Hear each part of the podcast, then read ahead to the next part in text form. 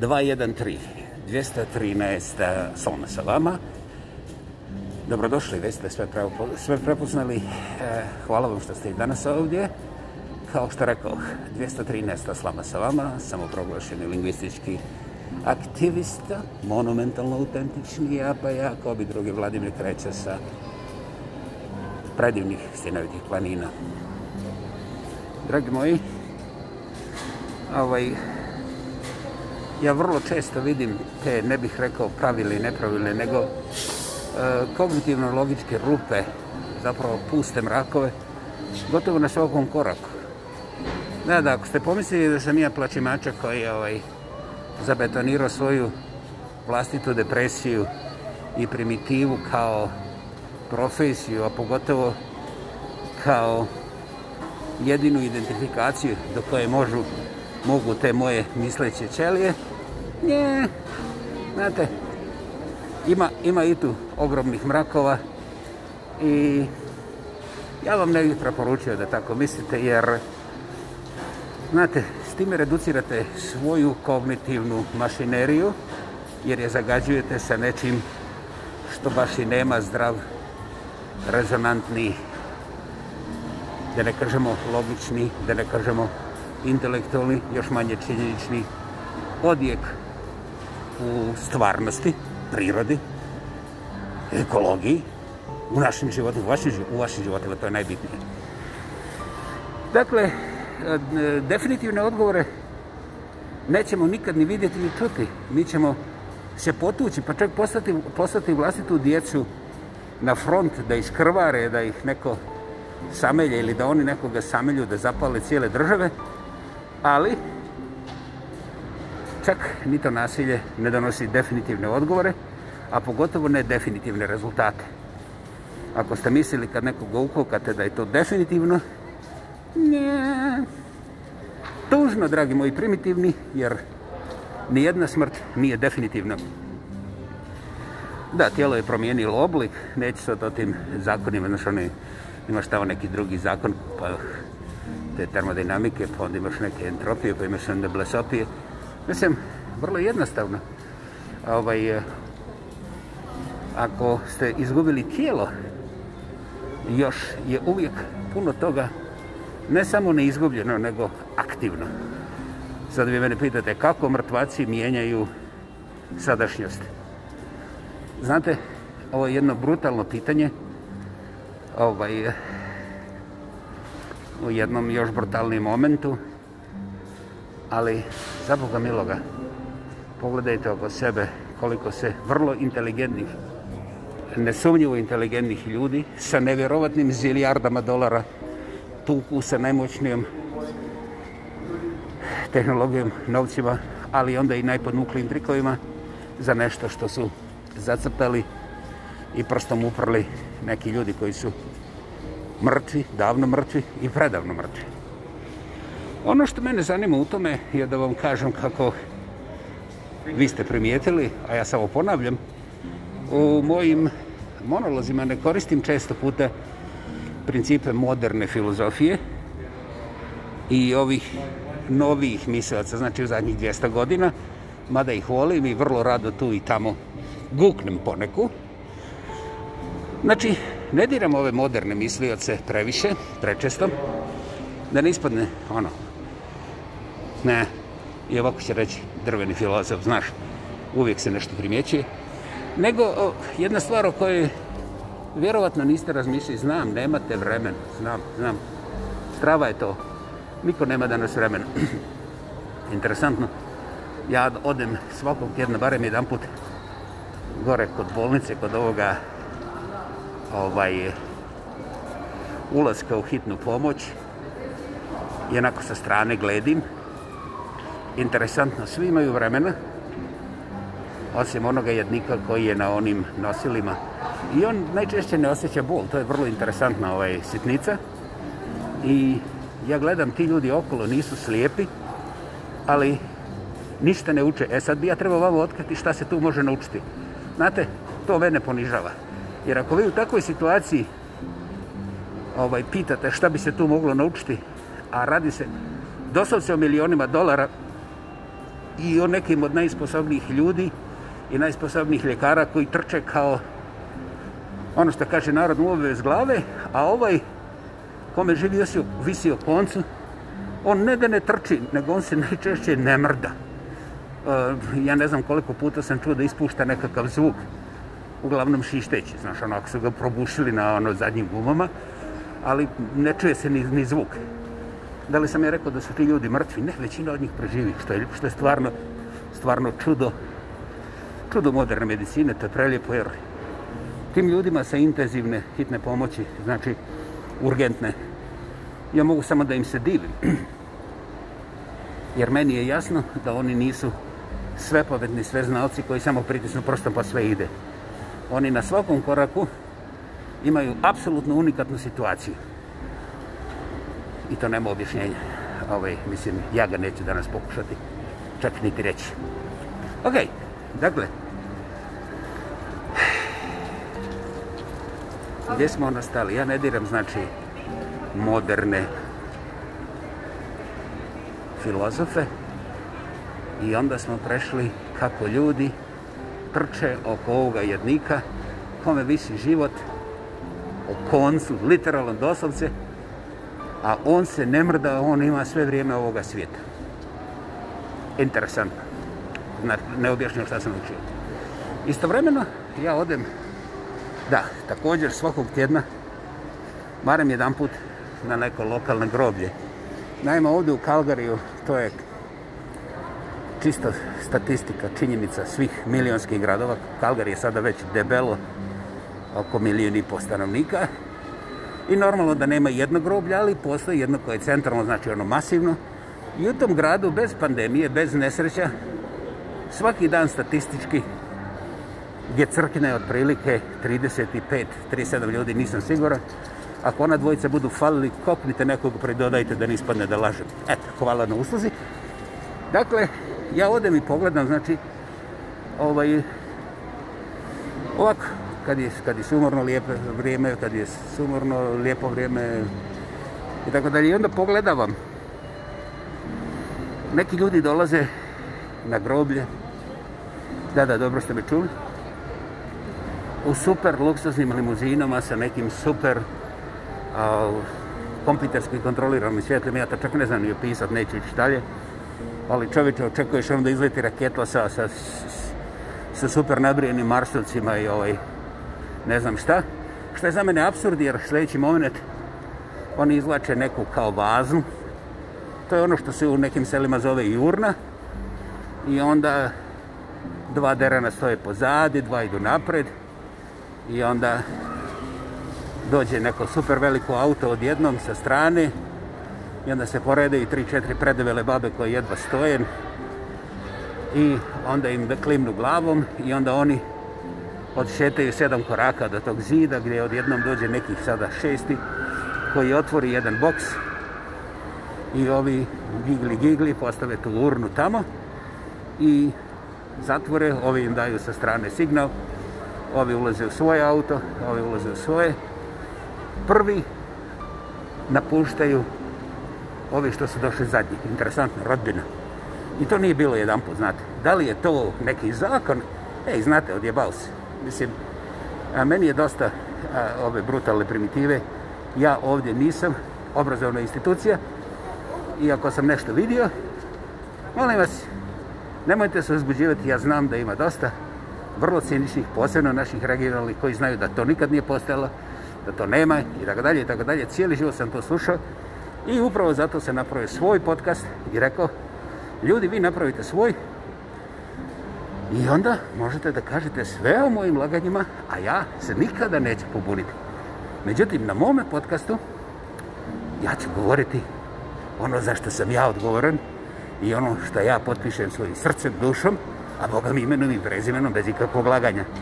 Između ostalog, ja sam to uvijek ponavljao, sve potpisane, znači one komentare, primjedbe i tako dalje, koje ja mogu pozitivno da identificiram da mi nije poslao nekakav izmišljeni lik, nego zapravo stvarna osoba. Znači, ako ste vi Pero Perić ili Đorđe Slamović, nikakav problem. Ja proverim Đorđe Slamović, možda nazovem telefonom. Ej, Đorđe, kad si postao Slamović? Kaže on kad je Cat Stevens brijao glavu. Super, dogovoreno. I ti kažeš da sam ja ružan, i to da sam ružniji od tebe, mislim, s time se ne slažem, ali ću to objaviti, pa će moji obožavatelji da ti daju odgla, o, odgovor na mome zidu, jel, nema problema. Dakle, ja se ne slažem kada ovaj Đorđe Slamović kaže da sam ja ružan, neće se nikad služiti, ali neću napraviti rat. I pošto sam provjerio da je Đorđe Slamović stvarno osoba, onda ja smatram da ne lažem svoje posjetioce ovoga i slušaoce ovoga e, e, podcasta, I ja objavim što je on rekao, bez jednog jedinog slova promjene. Istovremeno, u sljedećem podcastu ja nastavim koliko dakati i kažem, ljudi moji, vidjeli ste što je Đorđe Slamović rekao? I ovaj, ja ne mogu vjerovati da se neko od vas može s njim složiti. Međutim, ovaj podcast nastavlja još ljepši i još glasniji. Joj, pazi vraga, pa nisam viko i nisam psovo. Znači, ja sam civilizacijski napravo Đorđe, hvala ti, ja sam nešto naučio. Idemo dalje. Idemo dalje. Dakle, šta sam naučio na tim grobljima? Naučio sam da ljudi nemaju vremena, koliko ona važna, znači to je ta spomenuta urna. Ja ne znam koje urni, znate, ono, nikad nisam vidio sliku na urni, znaš, ono, kao Pero je tamo, pa Đuro, pa možda ovaj George. Ne, ne, nema ni jedne slike. Međutim, ako imate te teflon ili telefon, kako ko, onda pogledate te sahrane na tom centralnom groblju, znaš, ono, Uh, city cemeteries uh, uh, today i onda imate satnicu kada ko dolazi na groblje da sahrani, to jest da položi urnu ili da položi kasket i onda znate koja je osoba umrla i ovaj tamo piše nije George Islamović nego je George George 59 godina nije imao nikoga. Bum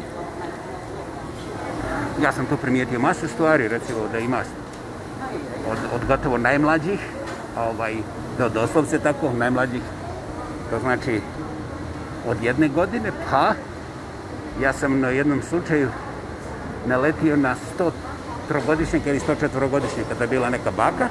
Naravno, ni to nisam vidio, nego sam samo pročitao, to postoji u arhivi lokalnog groblja Queen Patricia. Ok, idemo dalje. Dakle, dođu ljudi na groblje, ovaj deran opet koji se sahrađuje, njemu svedno nikuda se ne žuri, a ovi što su ga dovezli, oni žure za sljedeći tovar, tako meni izgleda, a ovi što kao tuž, tuguju i žale, oni jedva čekaju da idu na ručak. Šta ja znam, možda ja imam sužen vid, ali ovaj, kad sam ja izgubio svoju najdražu majku, pa onda Helenu, Ja volim strašno jesti, ja uvijek žurim da jedem, ali tih dana, pa čak i mjeseci, moj apetit nije bio na pohvalnoj razini. Ne zato što mi je neko nešto prijeti ili nešto tako dalje, nego Bože moj, ja bih volio da taj osjećaj nikad niko ne dobije, ali sahranjivati nekoga, imati apetit, ja naravno ne kritiziram ljude koji imaju apetit za vrijeme tuge i tako da, jer neki ljudi doista puknu ovaj, za vrijeme žalosti, da, kažu lokalni psihijatri, da je to nekih 15, moguće i 20% ljudi koji za vrijeme intenzivne žalosti ovaj, koriste hranu kao drogu i jedu do tri puta više nego normalno. Ne mogu stati. Čak traže psihijatarsku pomoć. Istovremeno, nakon smrti, a, o, kažu da barem 10% ljudi u, u okviru te, toga kruga gdje je taj pokojnik imao neko veze, postaju alkoholičari ili ovisnici o nekakvim drogama, antidepresantima. Ja sam bio na putu da postanem ovisnik o antidepresantima, to znam sa svoje kože. Zašto nisam? Vjerovatno sam glup za droge, ono, mislim, ja sam seljačina, ne razumijem ja to, ono, znaš, ono, šta je znam, uzmeš neki prašak, pa onda se ne oprašuješ, ali se dalje poništa tim praškom, pa onda na prašku prašak, pa odprašiš, pa ne odprašiš, šta je znam, ne znam. Očigledno sam ja seljačan koja to ne razumije i nisam se navozao, ove, ovaj, nisam ovdje. Međutim, znam da sam dosta dugo imao taj osjećaj da me neko stavio u teglu, da, da, dobro ste rekli, ne, ne, ne na teglu, ne, ne. Mene nikad nisu nategli, jer ja sam lijep, mlad, plav i usran, pa me onda nisu nategli. tegli. A ne znam zbog čega, to je misterija, očigledno. I vi ne znate zbog čega, hvala. Ovaj, jednostavno, taj svijet oko mene, ja, ja pamtim nekakve izjave, nekakve reakcije. I ja se šetam i onda jedini je izlaz da pustim da oni isprazne svoje i da ja prođem. Međutim, sada ne prolazim. Prošao sam i ovaj, ta gospoda nisu više blizu mene da bi mogli ovaj, nastaviti ovaj ta svoja objašnjavanja, primjećivanja i pameti. I ovo, ovaj, to ne govori da su oni loši u bilo kojem smislu. To govori da sam ja ovaj geografski odabrao neke recimo putanje i orbite koje su u skladu sa mojim seljoberskim senzibilitetom. Šta kažeš, seljober ne može da ima senzibilitet? Ne jebeš ga, šta onda seljak može da ima? A, motiku, jel? Pa ta ti je zanimljiva, ali... Hm. Znaš, opet si ne bi prepirao, ovaj, jer koliko sam ja naučio, ovdje gledajući lokalnu televiziju, seljaci u ova današnja vremena imaju dosta problema sa motikom. Hm ovaj, većina ih pojma nema šta je to. O, ovaj, eto, ali meni je drago da misle da ja to znam, to je dobro, to je dobro. Dakle, napredujemo. I sada dolazimo u situaciju gdje niko nema vremena. Navio sam dva primjera sa groblja, sa urgentne pomoći.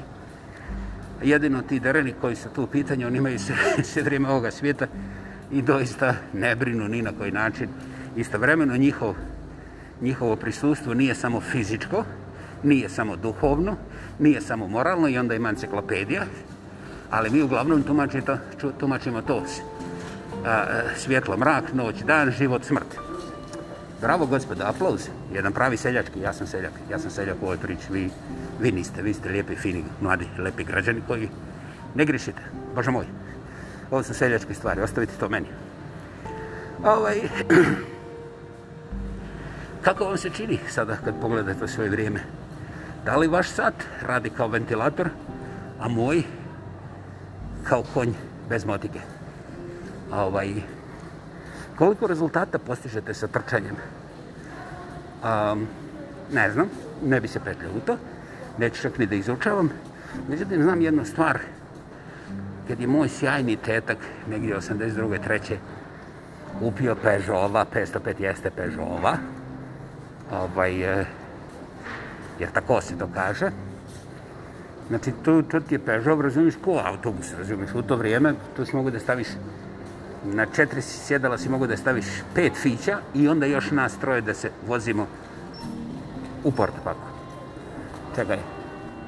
No, fiće smo stavili onda na, na krov od Peugeota 505, jer ima dovoljno mjesta u portapak smo stavili tetku, a tetak i ja smo sjeli u, unutra nas, na one stoljice za naše sjedeljice, mislim, za naše ove organe za sjedenje. I vozili smo se tako od Bazela, preko cijele Švicarske, mala Austrije, fondo pa Italije. I ovaj... Kaže, meni teta gledaj ovih budala pored nas, malo, malo po prozu i neko... Opet ponavljam, bila je to 82. treća godina, kada se u Švicarskoj na autovanu a, bez ikakvog iznenađenja moglo vidjeti auta koje voze i preko 150 na sat. Usred bila dan. I kaže, tetak, evo vidi, ovaj će nas čekati na granici. I ja kažem, tetak ima 50 km do granice, mi nećemo ovog čovjeka nikad vidjeti. E, ne brini. Uglavnom, ja sam mislio da je moj tetak, pošto je on od, od, od obrazovanja stekao autolakirerski zanat. Ja sam mislio da je on glup jer on ne čita knjige koje ja čitam. Dragi moj tetak, nije me sramota ni izviniti se. Jer tebi to ne treba. Ali ja ne znam šta je meni trebalo da budem tako betoniran i siguran da si ti primitivan, a ja tako pametan i znam da to tvoje poznavanje šta će ovaj deran koji vozi se 150 koji prozuje pored nas uraditi na sljedećih 40 km. Međutim,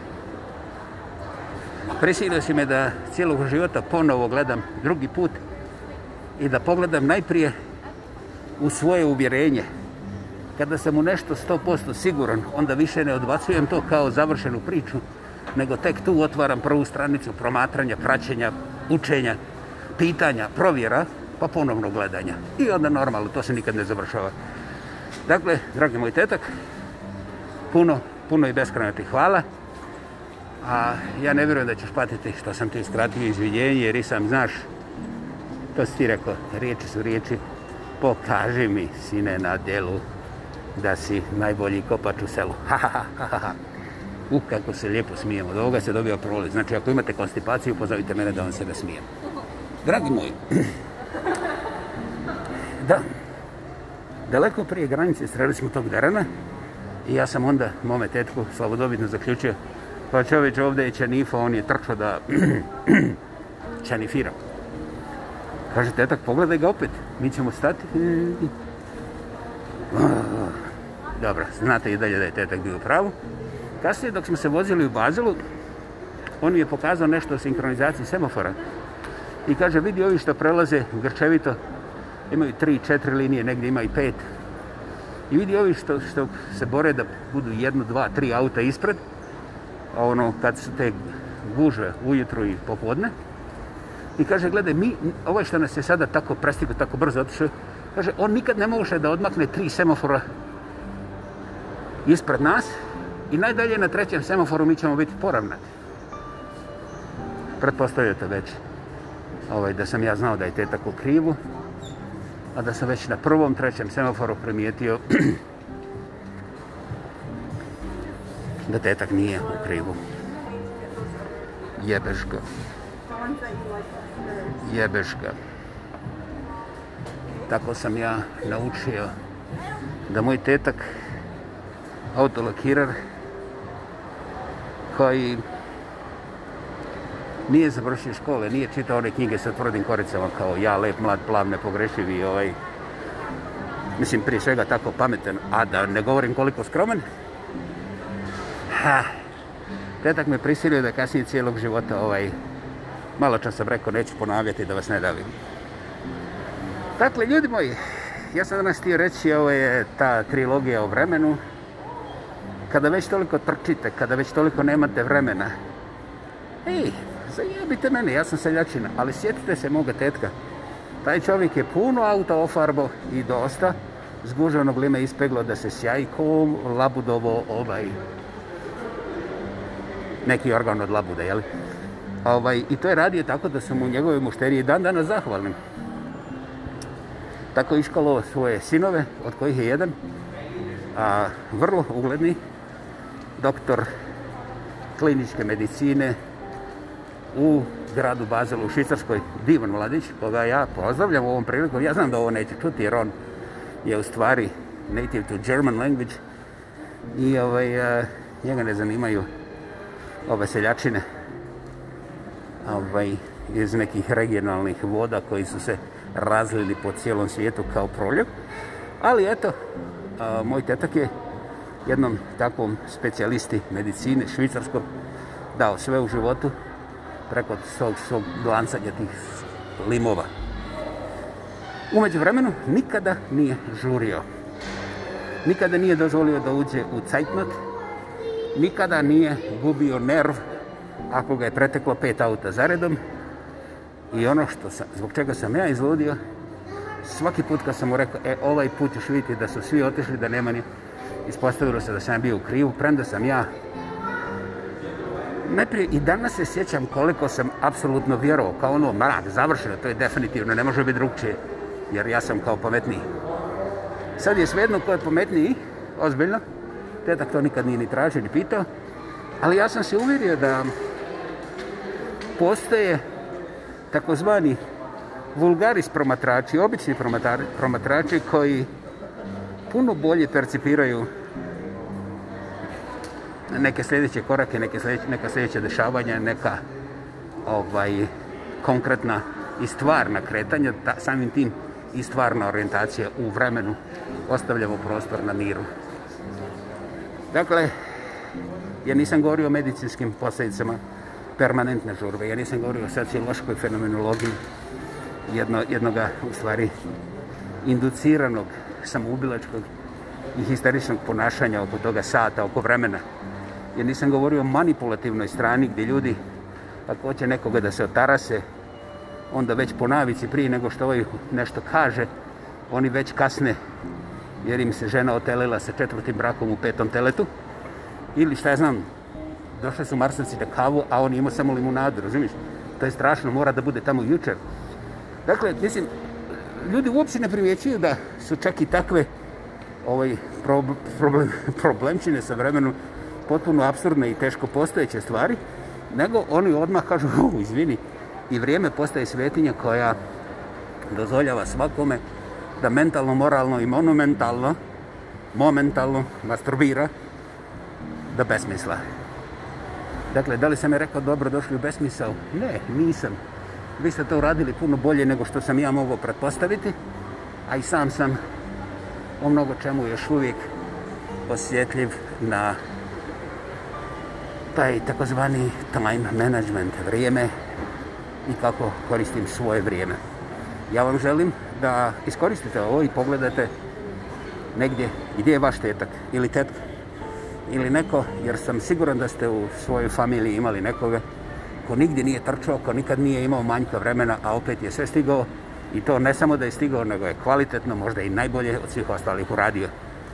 To je taj blagoslov koji možete dati sebi za cijenu od nula novaca, a da pritome profitirate doista moćno i bezgranično. Ja sam uvjeren, ne samo da vi to možete, nego da ćete to i učiniti. U tome duhu ja zaključujem 213. podcast Loma sa vama. Ja pa ja, kao drugi Vladimir kreća sa predivnih stjenovitih planina. Hvala vam što ste i danas bili tu. I svakako, kao i uvijek prije, čujemo se prije nego što se vidimo. Ćao!